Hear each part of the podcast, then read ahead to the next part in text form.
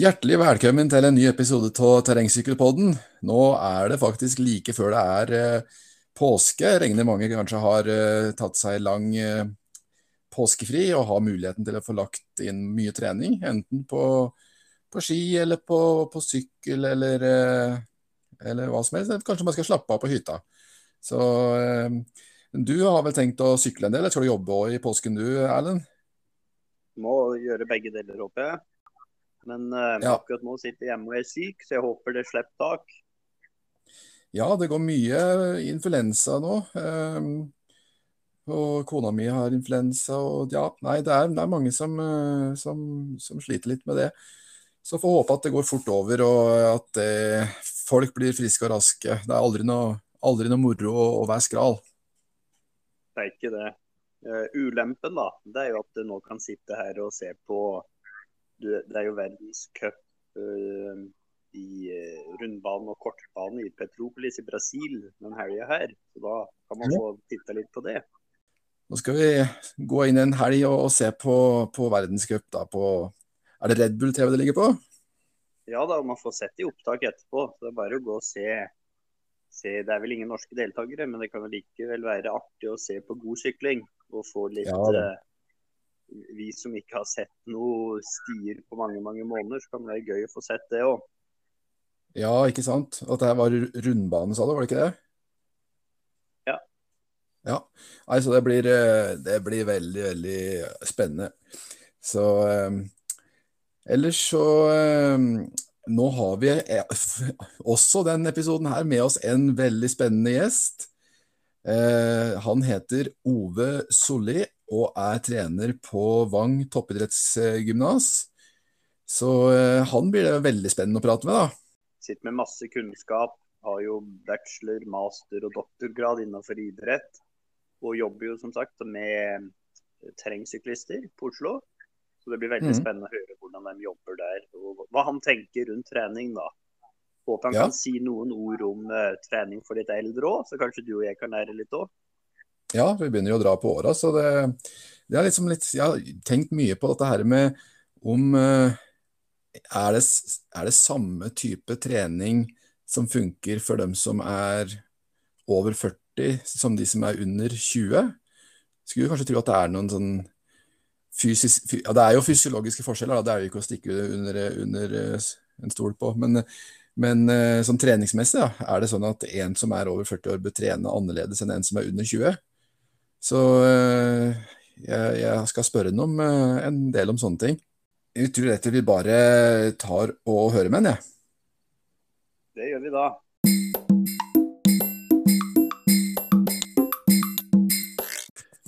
Yes, da har vi med oss eh, Ove Solli, trener på Vang toppidrett, og har, har ganske solid utdannelse innenfor, innenfor trening og, og idrett. Kan ikke du starte med å si litt eh, om, eh, om hvem, du er, hvem du er? Jo, starte først med å takke for at jeg fikk komme. Det er hyggelig å bli invitert. Um, jeg har jo en eh, grei bakgrunn teoretisk innenfor det med idrettsvitenskap, hvor jeg har en doktorgrad innenfor idrettsvitenskap og mer spesialisering i utvikling av unge utøvere, og spesielt innenfor langrenn. Så doktorgraden min handla om langrenn, selv om jeg eh, jobber nå mest som uh, terrengsykkeltrener.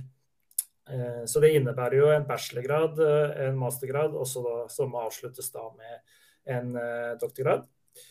Eh, ved siden av utdanninga mi hele veien, så har jeg jobba som trener siden 2005. eh, hvor jeg i starten jobba som langrennstrener, og så etter hvert har jeg gått over til eh, mer og mer terrengsykkel, fordi jeg Vi, vi alle vet jo at terrengsykkel er jo morsomst. Um, så jeg har vært trener innenfor langrenn, nå terrengsykkel. Uh, og i en del år så dreiv jeg også et uh, terrengsykkelteam som satsa mest på maratonsykling, men også rundbanesykling. Og i dag er jeg trener for rundbanesyklister primært. Mm. Du tok jo eh, den eh, utdannelsen du tok, du startet med en, eh, en bachelorgrad. Var, visste du at det var trener du ville bli helt fra starten? Eller? Ja, egentlig. Eller kanskje ikke. Det er litt sånn 50-50 ved at uh, trenerrollen har alltid fascinert meg. Jeg syns det er veldig givende å hjelpe andre til å nå sitt eget potensial. Uh, samtidig så har jeg alltid hatt én fot inni forskningsverden, og det fascinerer meg egentlig like mye å forske fram uh, ting og undersøke ting i detaljer og gjennom uh, undersøkelser og intervensjoner osv. Så, videre. så det har vært en litt sånn todelt, hvor jeg ønsker å jobbe både forskningsbasert, men også mer praktisk basert. Og det har jeg gjort fram til nå, men nå er jeg over i fullt i det praktiske verden, da, hvis man skal si det på den måten. Ja, ikke sant. Den, eh, den eh, doktorgraden du skrev, eh, er det mulig å finne den noen plass på nettet for de som ønsker å lese det? Ja da, den er, ligger åpent. Hvis man går inn på Norges idrettshøyskoles hjemmesider, så finnes den der. Jeg husker ikke nøyaktig koblinga, men nih.no og så inn på avlagte doktoravhandlinger, så finner man den. Handler, den heter vel eh, på norsk heter prestasjonsfremmede faktorer for unge langrennsløpere. Mm. Nei, for det, det, kunne vært veldig interessant å lese. For det, vi som er litt sånn eh, treningsnerder, altså vi er jo, vi som, Det er jo veldig artig å lese forskning innenfor eh, trening. Så det tror jeg, tror det er mange av lytterne våre også som eh, kunne, kunne tenkt seg det. Så, mm. og det med langrenn og terrengsykling, det er jo ganske mange likheter, da, spesielt innenfor denne, den verdenscuplangrenn uh, VS uh, rundbanesykling. Der er det ganske mange likhetstrekk. Er ikke du enig i det? Jo da, absolutt. Man kan jo sammenligne rundbanesykling og som du sier, World Cup-langrenn. Men man kan også sammenligne maratonsykling med mer langløp. Eh, så det er absolutt likheter der, og spesielt i den intensitetsprofilen vi finner i rundbane og eh, verdenscuplangrenn og maraton med langløp. Eh, ja. Det er jo selvfølgelig en god del forskjeller også, men i tradisjonell langrenn og rundbane så har du disse intensitetsprofilene hvor det er veldig mye av og på. Man jobber veldig hardt i motbakke, og så slapper man mer av nedover. Det man finner ekstra i rundbane, er jo at man eh, nedoverbakkene så må man også være påskrudd eh, mentalt ved å prøve å flyte og utnytte teknikken og terrenget nedover. Eh, I tillegg til så har du den eh, De første fire-fem minuttene i en rundbane er jo ganske avgjørende for å f.eks. komme først inn på stien. Mens i langrenn så har du muligheten til å åpne litt mer kontrollert. Men eh, mange, absolutt mange likheter, ja. Så da blir det vel sånn at man tar sånn maraton kontra rundbane. Da så er det vel kanskje to litt forskjellige måter å trene på, tenker jeg. Mm. Så, men eh, du er jo trener på, på Vang eh, eh videregående, på, på, toppidrett. Der er det mange, er det mange elever som du, er, som du, har i trener, eh, trenerpoolet ditt nå? Ja da. Eh, eller eh, hvor, hva som er mye, får andre avgjøre, men vi er 14 stykker nå. Vi starta jo opp terrengsykkellinja på Vang i Eh, for tre år siden. Og da starta vi kun med VG1. Så da var vi seks stykk. Og så ble vi fire til andre året, og så fullførte vi med nye fire eh, dette skoleåret. Så det er i år vi for første gang er en fulltallig linje. Uh, og neste år så kommer det sju stykk inn, så da blir vi totalt 15 som uh, er på terrengsykkellinja.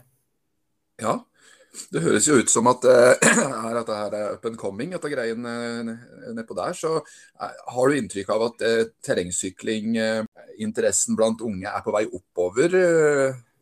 eller er det sånn ganske vanlig, sånn stabilt? Ja, det er et godt spørsmål. Eh, jeg har vel en i hvert fall følelse at eh, de som konkurrerer nå opp mot i 15-16-årsklassen og juniorklassen, de har kanskje litt større forståelse av hva som kreves. og uh, mange presterer veldig godt nå, og det blir jo lagt merke til. Lang, nei, terrengsykkel har jo vært populært i mange år som barneidrett. Så faller folk av. Men jeg har jo et helt klart håp om at de, den gjengen vi har nå eh, fra 16 til 20-22-årsalderen nå, som presterer veldig godt, kan hjelpe til å bidra med at uh, enda flere får øynene opp uh, for denne uh, flotte idretten vår, da, vet du. Ja, ja, ja. ja nei, for det, når vi ser litt på resultater sånn internasjonalt, da, i ja, bl.a. U23, så, så ser det jo veldig lovende ut, da, syns jeg. Mm, absolutt. Vi har mange gode, gode, utøvere som er unge nå. Og det, det syns jeg jo landslaget også hadde uh, gjort en god jobb med å ta tak, i, ta tak i den gjengen der. Gi dem et tilbud. I tillegg til uh, de uh, skole, skolene vi har. både NTG og Vang og, og andre skoler. Så jeg tror det kan bli bra på sikt, ja. Ja, det, veldig, det, blir veldig spennende å følge med. Mm. Så er det Vil du si at det er noen forskjeller på treninga som dere gjør eh, kontra NTG f.eks., eller er, kjører alle en sånn fastmal på, eller følger den norske modellen? Eh, jeg skal jo være litt forsiktig med å si hva de gjør på NTG, for det vet jeg ikke i detalj.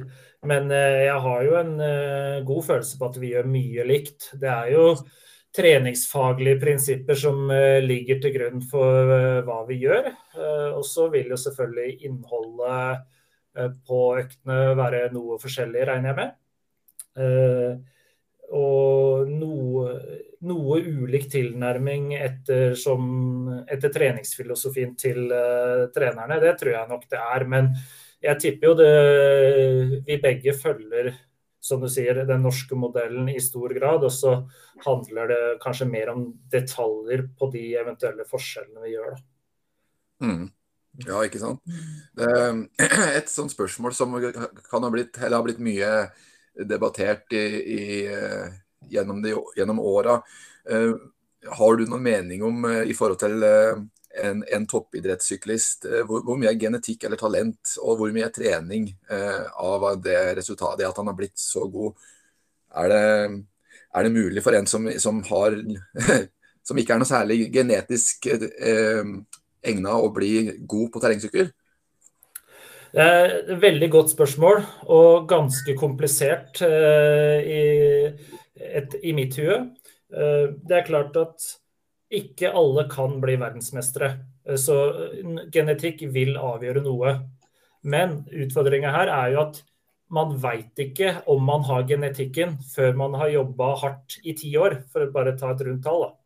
Uh, man ser jo i forskninga at uh, uh, alderen man har når man når toppen av karriere og presterer best i idretter som f.eks. terrengsykkel, det er gjerne rundt 26, kanskje 27-årsalderen. alderen. så det krever tålmodighet, og det krever tålmodighet over mange år. Man må jobbe smart og hardt i eh, mange år for å finne ut om man har genetikken til å bli den aller beste. Eh, og jeg er ganske så sikker på at veldig mange kunne kommet lenger enn det de faktisk har gjort, hvis de hadde hatt litt mer tålmodighet. Fordi alle som går på Vang og alle som går på NTG og alle andre skoler, de kan bli veldig veldig gode hvis de tar seg tida til å trene godt over tid. Um, hvis man ser på snittalderen til de ti beste både kvinnene og mennene i worldcupen eller på UCI-rankinga nå, så ligger den på rundt 26-27 års alder. Så det er klart Hvis du er en 18, års, 18 år gammel utøver som ønsker å bli best mulig, ja, da har du flere år på deg til å bli veldig god. Uh, og man har jo typer som f.eks. Pidcock som blir uh, veldig god i tidlig 20-åra. Uh, og de fins, men man skal være obs på at det er unntaket av de som blir gode i tidlig 20-årsalderen. Så man kan trene veldig godt, komme, bli veldig god, og så er det den siste, kall det 5 da, som, som, er genetikken om, om, man blir aller best eller bare, eh, bare gåsetegn eh, veldig, veldig god. Ja, for jeg tror kanskje mange som går på videregående, de gir de tre åra der. Hvis de, ikke, hvis de ikke presterer veldig bra da, så tenker de at eh, nei, da har jeg ikke noe talent i det her, så da tar jeg heller å satse på, en, eh, på utdanning og, og yrkeskarriere. Mm. Og Det er kanskje tidlig å gi seg allerede som uh, 19-åring. Mm. Man uh, får gjerne noen indikasjoner på om man kan nå langt eller ikke som gjennom videregående, men, men jeg sa jo at man har unntaka som presterer veldig godt i tidlig 20-åra, men man har også unntaka som ikke presterer noe særlig i ungdomsåra, men blir også veldig, veldig gode i, oppover i 20-åra. Så man veit aldri hvor man står, og derfor så handler det, det om den tålmodigheten å sette seg gode delmål på veien for å se om man faktisk kan bli veldig god. Da. Ja, når det gjelder sånn dem som skal ta og konkurrere en del om sommeren, og så går de på videregående. For, hvis de skal bli gode som seniorer, er det for tidlig å begynne å legge og spisse formen mot konkurranser og senke treningsmengder og, og, og sånne ting i løpet av konkurransesesongen? Eh, tror du det kan gå på bekostning av uh, hvor god man blir som senior?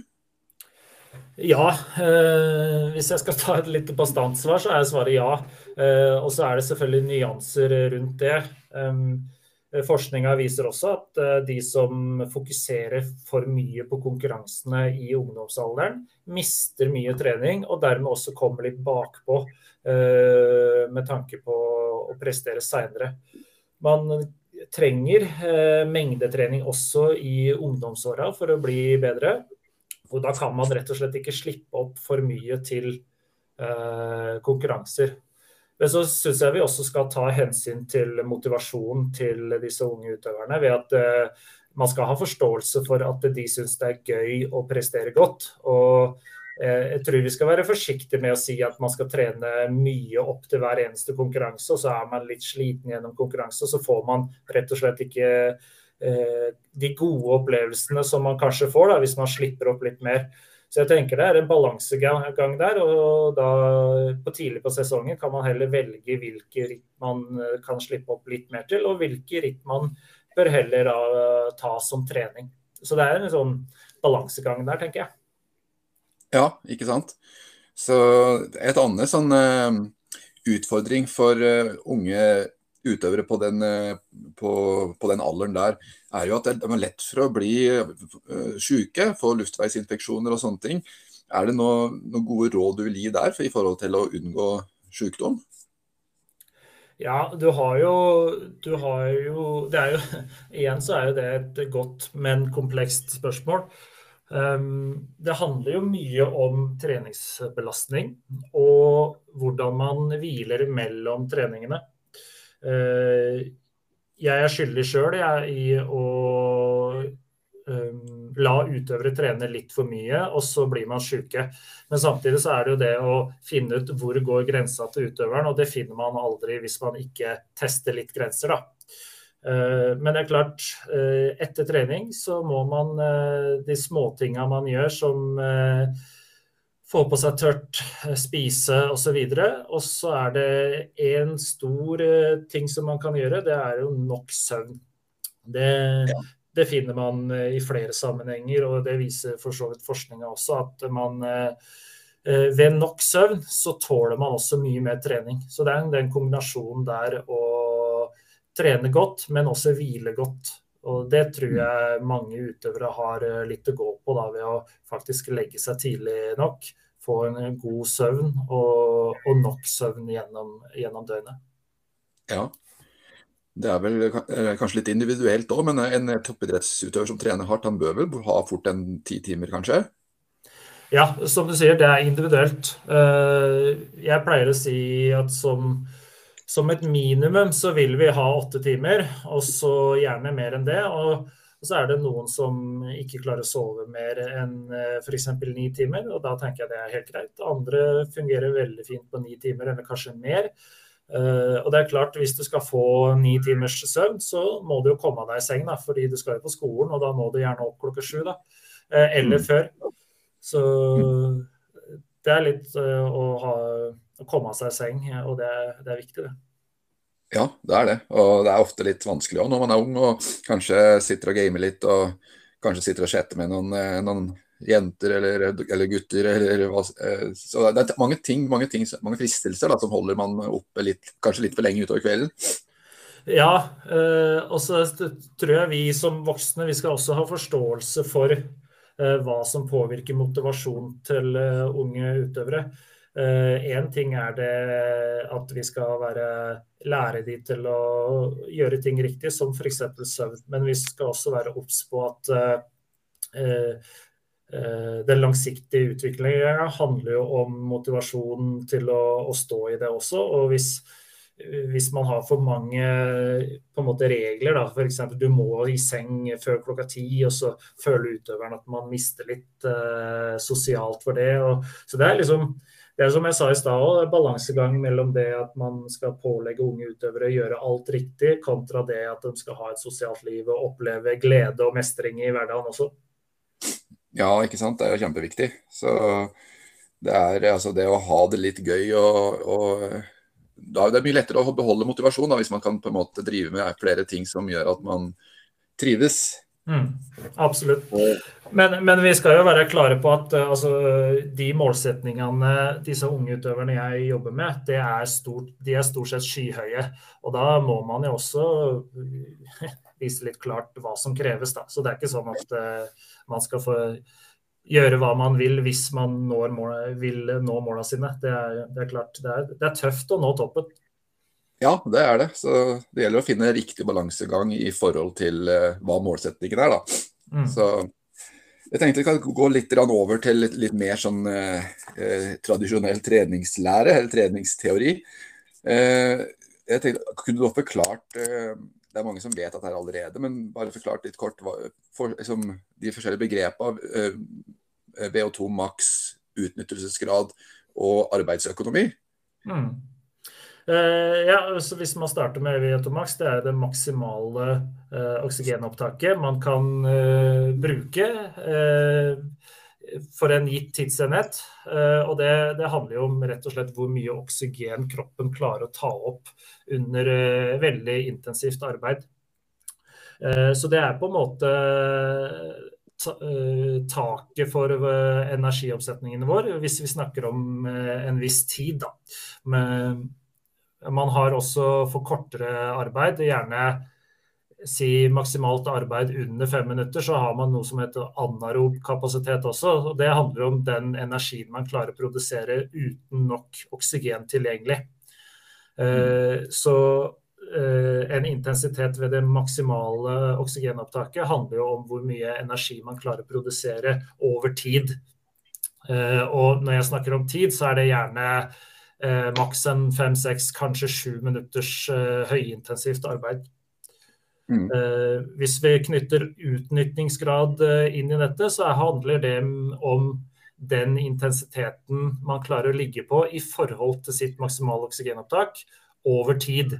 Så det vil jo si at den er eh, noe tidsavhengig, fordi man eh, skal man holde på over lengre tid, så må man ligge på en eh, lavere utnyttingsgrad, en lavere prosent av VO2 max, kontra det å sykle kortere tid, hvor man kan da ligge tettere opp til sin VO2 max. Uh, og Det siste inn i det regnestykket der er jo som du sier, arbeidsøkonomien. Det handler jo rett og slett om hvor effektivt du beveger deg. Og det handler om både indre faktorer, som muskelfibertyper og sånne ting. Det handler om tråkkteknikk, men det handler jo også om, spesielt i terrengsykkel, og dette er kanskje det viktigste i terrengsykkel, det handler om teknikken din i terrenget. Fordi arbeidsøkonomien din er mye bedre hvis du sykler på asfalt kontra på en sti. Fordi du har alle disse ytre hindringene på sti som gjør at det koster deg mer energi å holde en viss hastighet. Mm. Så Sånn sett så kan vi si at eh, teknikk er en del av arbeidsøkonomien, da. Ja, absolutt. Så, og det, I terrengsykkel så er jo det en veldig viktig del av eh, prestasjonen. Mm. Du ser jo det når jeg og, og han eh, Erlend som driver terrengsykkelpodden her sammen med meg, når vi kjører rundbane sammen med de yngre utøvere, så henger vi sånn brukbart med oppover. Men når vi kommer eh, og skal kjøre utover igjen, så, så er vi da, da, har vi ikke sjans. Det, de har en mye bedre eh, teknikk enn oss, og da, og da, blir vi frakjørt. Så der har vi, der har vi den. Ja, det er brutalt å, å, sykle med de unge gutta. Det, det, er både gøy, men også slitsomt. Ja, det er det. Så, men jeg tenker litt i forhold til eh, eh VO2 maks eh, kontra utnyttelsesgrad. Eh, for en som på en måte er eh, passert 40 år, hva er viktigst for han? Er det å prøve å trene på å få en bedre utnyttelsesgrad, eller, eller er det O2 man fortsatt skal fokusere på å øke, eller er det begge deler like mye, eller hva, hva tenker du om det? Ja takk, begge deler, ville jeg ha sagt. Ja. Men du nevner jo alder. Jeg tenker det, det, handler ikke så mye om alder som hva du trener mot. Jeg tenker alltid når man snakker om hva man vil utvikle, så må man starte med hva er målet ditt. Og hvis målet ditt er uh, å, å, sykle fort i rundbane kontra um, maraton, så er jo kanskje vektinga av de to Hvis man skal sette, gjøre det enkelt å sette de to opp mot hverandre, så vil jo vektinga være noe ulikt der. Uh, hvor man heller litt mer mot denne utnyttelsesgraden i lengre ritt, som maraton, og kanskje heller mer mot uh, uh, oksygenopptaket, eller V2 maks, da, mot rundbane. Men, men, det er jo det jeg sier nå, er jo litt forenkling, for man vil gjerne ha begge to. Og hvis man trener i gåsetegn såkalt terskeltrening, så ja, man trener utnyttelsesgraden, men man har også en god påvirkning på VO2 max, og vice versa. Så det, det er litt sånn forenkling da, å sette de to opp mot hverandre. Ja, ja det er jo det. Så, og det er jo viktig å ha begge deler. Det er ikke noe vits å ha vanvittig høy utnyttelsesgrad på et lavt VO2 max. Mm. Men eh, eh, jeg, for en som kjører mye maraton, da, vi, vi, eh, vi, som driver den poden, vi, vi, kjører jo mye maraton. Det er jo det vi egentlig satser mest på. Da er det jo sånn kanskje at vi, kanskje bør, kjøre, at vi bør kjøre mer terskelintervaller og få til mer varighet på eh, intensiteten rundt sone 3, sone 4. Eh, I forhold til å kjøre mye korte intervaller, kanskje? Eller, eller, hva tenker du om det?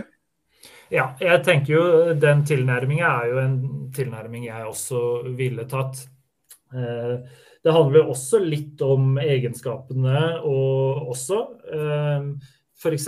hvis Birken er et mål, eh, og man har en veldig god utholdenhet, man holder, klarer å holde god hastighet over tid, men man ikke klarer å henge med opp til Skrapstad, da har man jo en utfordring eh, der. Eh, fordi f.eks. For i Birken så vil man jo finne seg en god gruppe.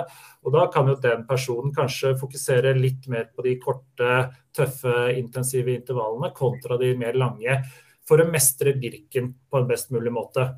Men i motsatt tilfelle så kunne det vært at man, eh, man eh, eh, mister gruppa si opp rosinbakkene f.eks. For eksempel, fordi man har ikke den gode utholdenheten. Så Det er jo individuelle forskjeller her, eh, men, eh, men, jeg følger absolutt tankegangen din om at hvis man skal prestere over lengre tid, så er det også fornuftig å trene med lengre dragtid, f.eks. på intervaller. Ja, så sånn sett så kan det være smart å at hvis man kjører to intervalløkter i uka, at man den ene av det er en, kanskje en terskel, og så den andre fokuserer mer på korte drag, kanskje? Det å tåle høy fart over litt kortere tid? Ja, eh, det er en fin tilnærming, det. altså. Eh, det er ikke noe fasit, men som et utgangspunkt kan det være en fin tilnærming, ja. ja. Har alder noe å si i forhold til potensialet på Forbedringspotensialet, da. Potensialet, det, har, det er jo bevist at uh, O2 det går jo litt ned med, med alderen. Men forbedringspotensialet er det like stort om man har 40-50-60 år som, som om de som er 20?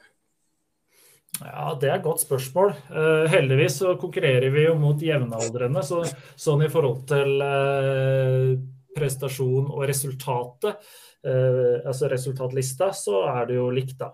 Men hvis vi ser fra styrketreninga, så ser man jo at eldre mennesker har ofte like god styrkeutvikling som, som yngre mennesker. Eh, dette er gjerne ganske utrente, da, fra utrent og til eh, litt trent. Men eh, for meg så gir det kanskje en indikasjon at det Jeg tipper det også gjelder for eh, kondisjonsidretter.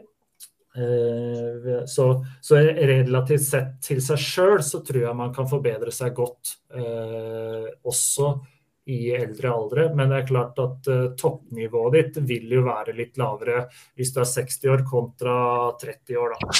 Så, mm. Det er jo mange som prater på at eh, styrketrening blir viktigere og viktigere jo eldre man, man blir. Eh, og da tenker jeg at det, det gjelder kanskje for, uh, for oss syklister òg. Vi sitter jo mye og banker mil på, på sykkelsetet. og Kanskje vi skulle tatt en tur eh, med jevne mellomrom inn i styrkerommet og, og trent litt kjerne og, og strekkeapparat? Ja, absolutt. Det, tenker, det, er to tanker i hodet her. Og det er jo det du nevner. At det, det er vist at styrketrening eh, hjelper på prestasjon. Så du har et prestasjonsperspektiv eh, her. Men så skal man også huske på at Eh, man skal ha et liv gjerne etter fylte 60-70 også. Og styrketrening er også viktig i et helseperspektiv. Og hvis du er en utøver som sykler veldig mye og ikke gjør så mye annen trening, og kanskje har en kontorjobb i tillegg, så vil styrketrening være veldig bra for beinhelsa di. Og du vil klare deg mye bedre som pensjonist og eldre. Da. Eh, så eh, styrketrening er også viktig for, eh, sett ut fra et helseperspektiv. Så styrketrening for syklister er et vinn-vinn-prosjekt. Altså. Det er klart Rent prestasjonsmessig så må man huske på at styrketeknikk er en tilleggstreningsform som skal hjelpe med prestasjon. Så det er klart at å sykle vil ha, ha mer effekt på prestasjon enn å trene styrke. Men hvis man klarer å finne litt tid til å ha styrketrening i tillegg, så vil det også forbedre prestasjonen din på sykkelen. Ja. Det, trener dere mye styrke på Vang eh, toppidretter? Ja, eh, vi har eh, når de kommer inn på, i første klasse, VG1, så er det mer intro, eh, mer styrketeknikk. Men eh, relativt tidlig i skoleåret så begynner man å trene tung styrke. Eh, det første året så ligger vi stort sett på én økt i uka. Eh, med tung styrke og vekter. Og så har vi én økt i uka med mer eh, sånn tradisjonell basistrening eller sirkeltrening, eller, med litt kroppsvekt og litt flere repetisjoner. Uh, og gjennom VG2 og 3 så trener man gjerne to økter i uka med tung styrke og én med mer sånn basis sirkeltrening. Og så har man noen individuelle forskjeller her. Da. Det er jo noen som er sterke, og da kan man jo kanskje skalere, skalere ned styrketreninga litt, fokusere mer på andre ting. Så er det andre som trenger mer eh, styrke. Um, mm. Ja, så det, det, er eh, Vi har trua på tung styrketrening eh, gjennom videregående, ja. ja. Og Det er kanskje ikke alle klar over, at det trenes faktisk så mye styrke blant uh, unge syklister. Mm. Så ja, når det gjelder, altså, Over til eh, litt mer sånn utholdenhetstrening igjen. da, så eh, Bruker dere wattmåler og sånn når dere kjører på forskjellige soner, eller styrer dere det på puls? Vi gjør eh, begge deler. Um, gjennom vinteren så har vi eh, ca. en gang i uka så har vi en felles uh, rulleøkt. Og da har vi selvfølgelig wattmåler alle sammen. Da sykler vi på, gjerne på watt, men vi følger også med på puls og opplevd anstrengelse. Og Det jeg prøver å lære til utøverne mine, det er at man ser på intensitetsstyring gjerne som en trekant, hvor man, har, man skal ha et objektivt mål på intensitet, og det er gjerne watt. Eh, så vil man gjerne ha et fysiologisk, eh, fysiologisk variabel på intensitet. Det er gjerne puls. Eh, og så vil man ha en sånn helhetlig oversikt slash følelse på det, og det er opplevd anstrengelse. Og Da kan man jo bruke Borg-skala som går fra 6 til 20, som gjerne baserer seg på fra forskningsverden. Eller så kan man bruke det vi gjør, som vi bruker litt forenkla versjon, som går fra 1 til 10. Uh, og så er det sånn at uh, jeg presser ingen til å bruke penger på utstyr. Så derfor så er det noen som har wattmåler ute også, og så er det andre som ikke har det. Uh, vi har uh, utøvere på landslag som ikke har wattmåler, så det er ikke noe man må ha. Men det er et fint tilleggsverktøy for å både styre intensitet og analysere trening i etterkant. Men jeg syns det er viktig at vi har det For oss er det kanskje det viktigste målet for intensitet er følelsen å lære seg til å kjenne på kroppen, hvordan kroppen skal føles på de ulike intensitetene. Og kunne justere det underveis eh, i en økt, men også fra dag til dag. Mm. Ja. Eh, kjører dere, når, det gjelder sone 1-trening, da, eh, hvor viktig er det at man kjører det på sone 1? Er det, eller rolig langtur, hvor viktig er at man kjører det så, så rolig som sone 1, eller er det ikke det så farlig? Nei, um, det er nok ganske viktig, spesielt for de unge utøverne. Um, jeg oppfordrer, eller prøver å få utøverne til å forstå helheten i treningsplanen. Og, og se på de forskjellige øktene ved å si, se, at, se på hvilke økter som er viktigst. Eh, og for oss så er intervalløktene klart viktigst. Og langturer da er også viktige, selvfølgelig. Men det handler litt om å ikke Den andre treninga enn intervallen handler litt om å ikke ødelegge for intervallen. Så hvis du kjører en langtur på litt høy intensitet, og du har f.eks. en intervalløkt dagen etterpå, så ødelegger du kanskje litt for den viktigste økta. Så derfor så er det viktig å holde intensiteten nede. Eh, og hvis du skal sykle i tre timer, så og, og driver og gamper litt eh, småhardt, så, så, blir jo det en veldig høy treningsbelastning som kan påvirke de andre øktene som eh, i mitt hue er litt viktigere. Mm, ikke sant? Men for en mosjonist som trener tre ganger i uka, så ville jeg nesten sagt at uh, det er viktig å ikke trene så rolig, hvis jeg skal sette det på spissen. Fordi man vil jo gjerne ha en uh, høy treningsbelastning, og det får man ikke ved å bare trene rolig tre ganger i uka.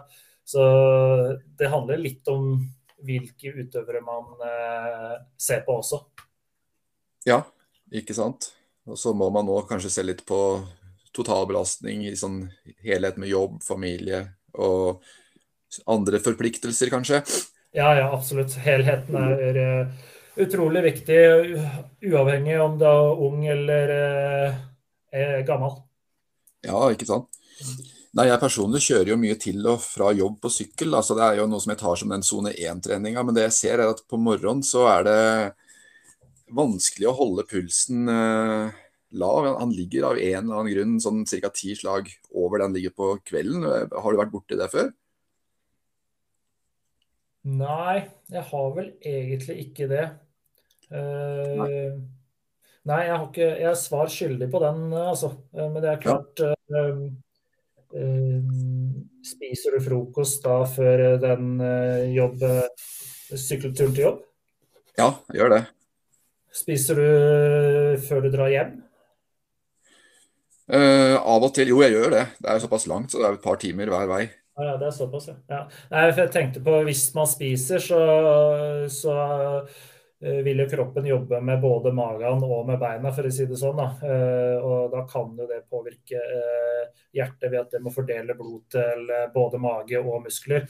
Selv om kroppen vil prioritere muskler når du sykler, så kunne jo det vært en faktor. En ja. annen, faktor er, kan jo være effektiviteten, at muskulaturen ikke er helt kommet i gang heller. Men jeg har ikke noen sånn veldig god forklaring på hvorfor det skulle være heller, sånn fysiologisk. Nei.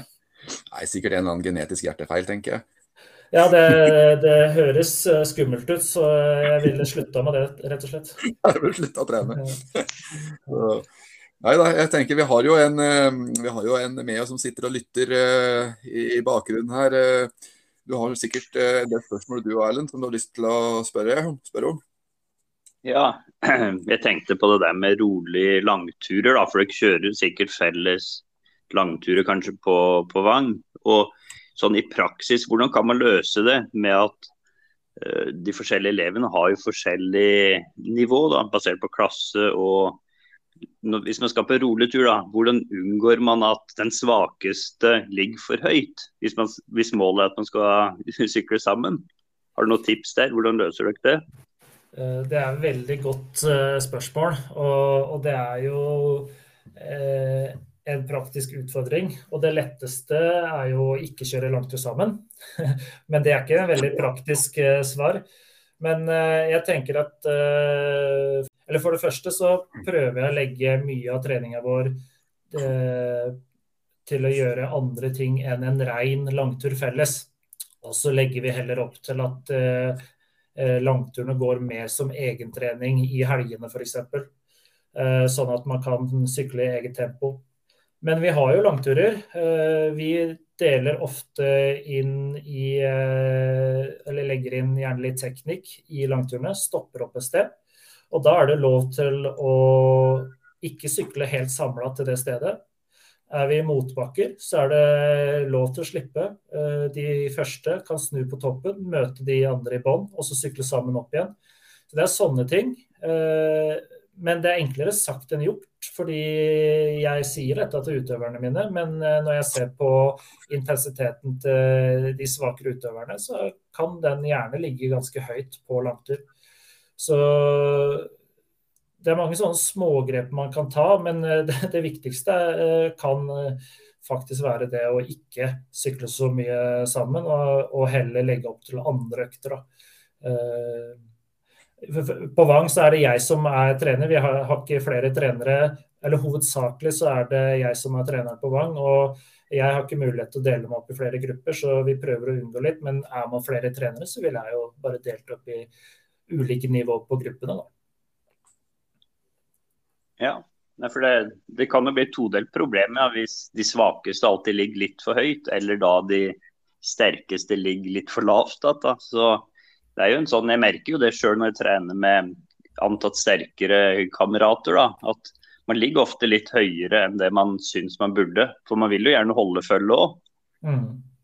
Og det går jo utover dagen etterpå når man skal ut og kjøre bakkedrag. Så ja, det, det, handler jo ofte litt om å ta det skrittet tilbake og, og, tenke, som jeg var innom i stad, hva er viktigst? Jo, kanskje intervallene er viktigst.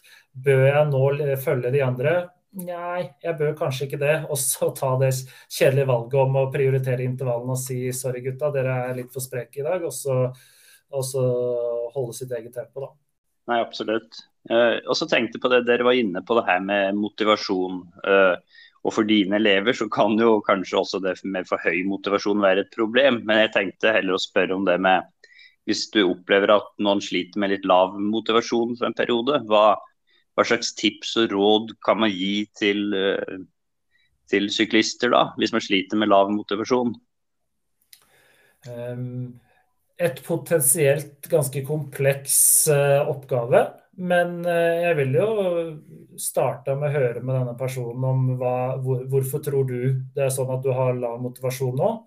Er det noe annet du kan gjøre som motiverer deg mer? Um, skal man kutte ut trening eh, noen dager, kutte ned på trening en uke, eh, og så bygge seg opp igjen? Eh, det er mange spørsmål man kan stille. Er det andre bevegelsesformer du liker mer akkurat nå? Er det andre sosiale treningsformer du ønsker å gjøre mer nå? Det er den ene delen av det. Den andre delen er jo at man skal ikke forvente at motivasjon tar deg hele veien. Eh, motivasjon er en eh, veldig god og veldig viktig ting i det å utvikle seg. Men kanskje like viktig, eller viktigere, viktigere er jo rutinene man har skapt. Så det å dra ut eh, for de unge utøverne med høye mål, eller andre utøvere med høye målsetninger, så handler det om gode rutiner. og fem grader og regn, og du skal ut på en sykkeltur. Det er ganske få som har motivasjon til det, men det er fortsatt mange som gjør det fordi de har uh, rutinen i boks og tar det steget tilbake. Og hva er det overordnede målet? Ja, det er det og det, og da må jeg ut. Så det er en sånn todelt greie. da, uh, ved at uh, Man skal ikke forvente at motivasjonen tar deg hele veien. Koble på gode rutiner, samtidig som det er lov til å ta seg fri, hvile osv. hvis man sliter med motivasjon.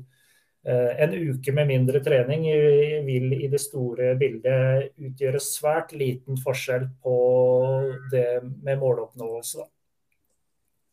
Ja.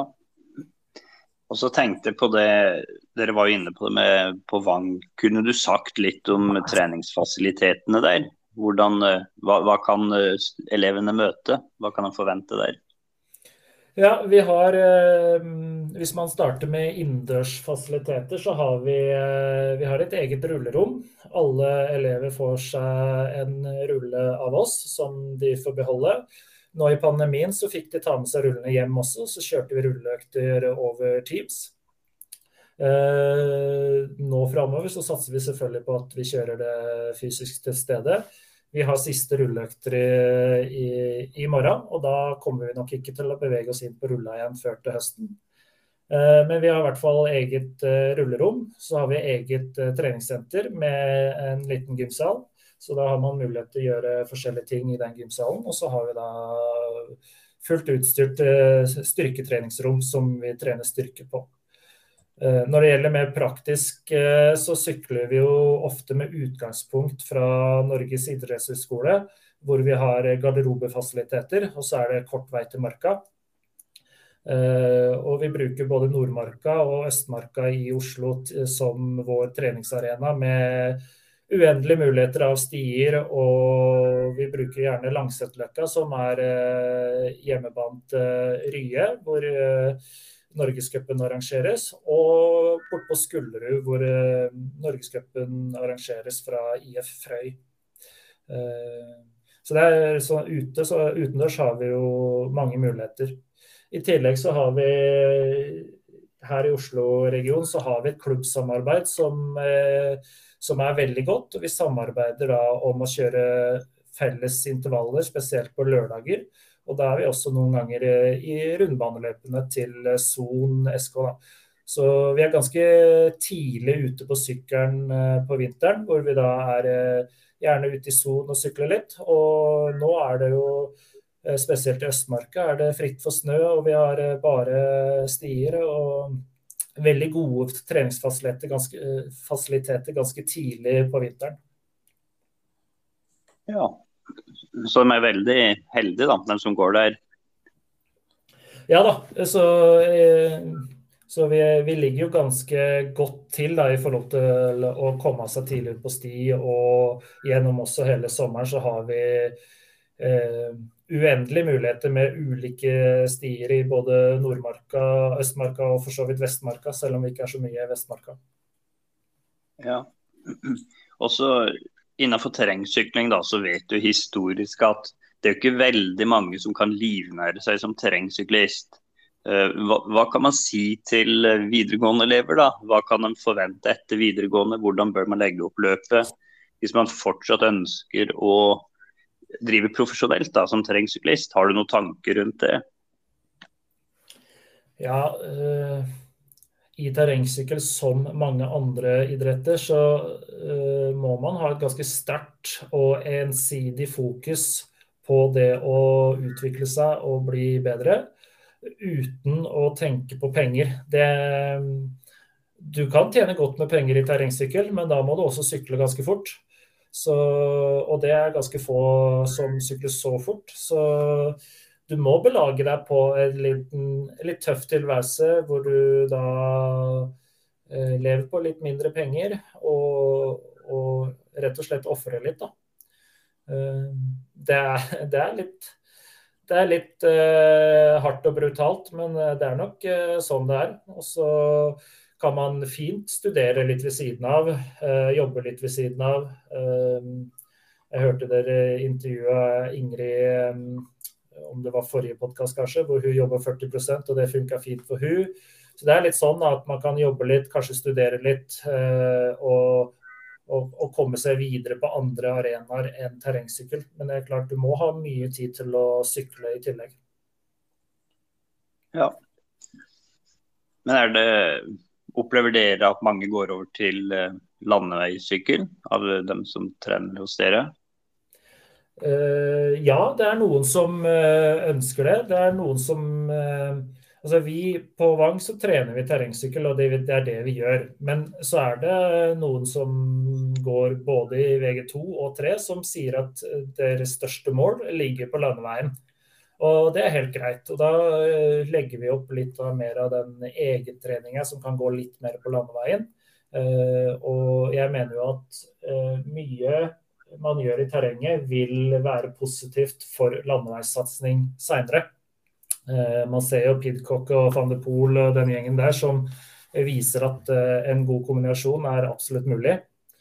Eh, så vi har noen av de utøverne som ønsker å fokusere på landevei etter videregående. Så har vi noen som ønsker å prøve å kombinere, og så er det andre som ikke bryr seg noe særlig om landevei i det hele tatt, egentlig.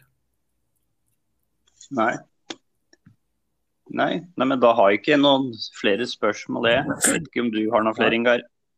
Nei da, vi har jo fått en uh, veldig god prat her nå. Vi har fått uh, svar på masse treningsfilosofi, og vi har fått hørt mye om, uh, om satsing blant unge terrengsyklister på, på, Vang. Så det har vært veldig interessant å, å, prate med deg, Ove. Så tusen hjertelig takk for at du ble med. Takk for at jeg fikk komme. Så eh, holder vi kontakten, og så får du ha en eh, fin uke. Takk. Likeså. Ha det bra. Hei. Ha det godt.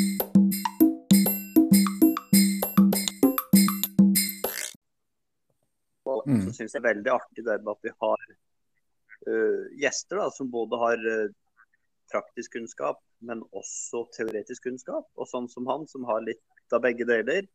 Og også fra andre idretter, så man kan trekke litt paralleller og lærdom. Så mm. nei, det var veldig artig å ha med Ove som gjest. Jeg håper han uh, også senere har muligheten til å bli med, bli med, på en liten prat.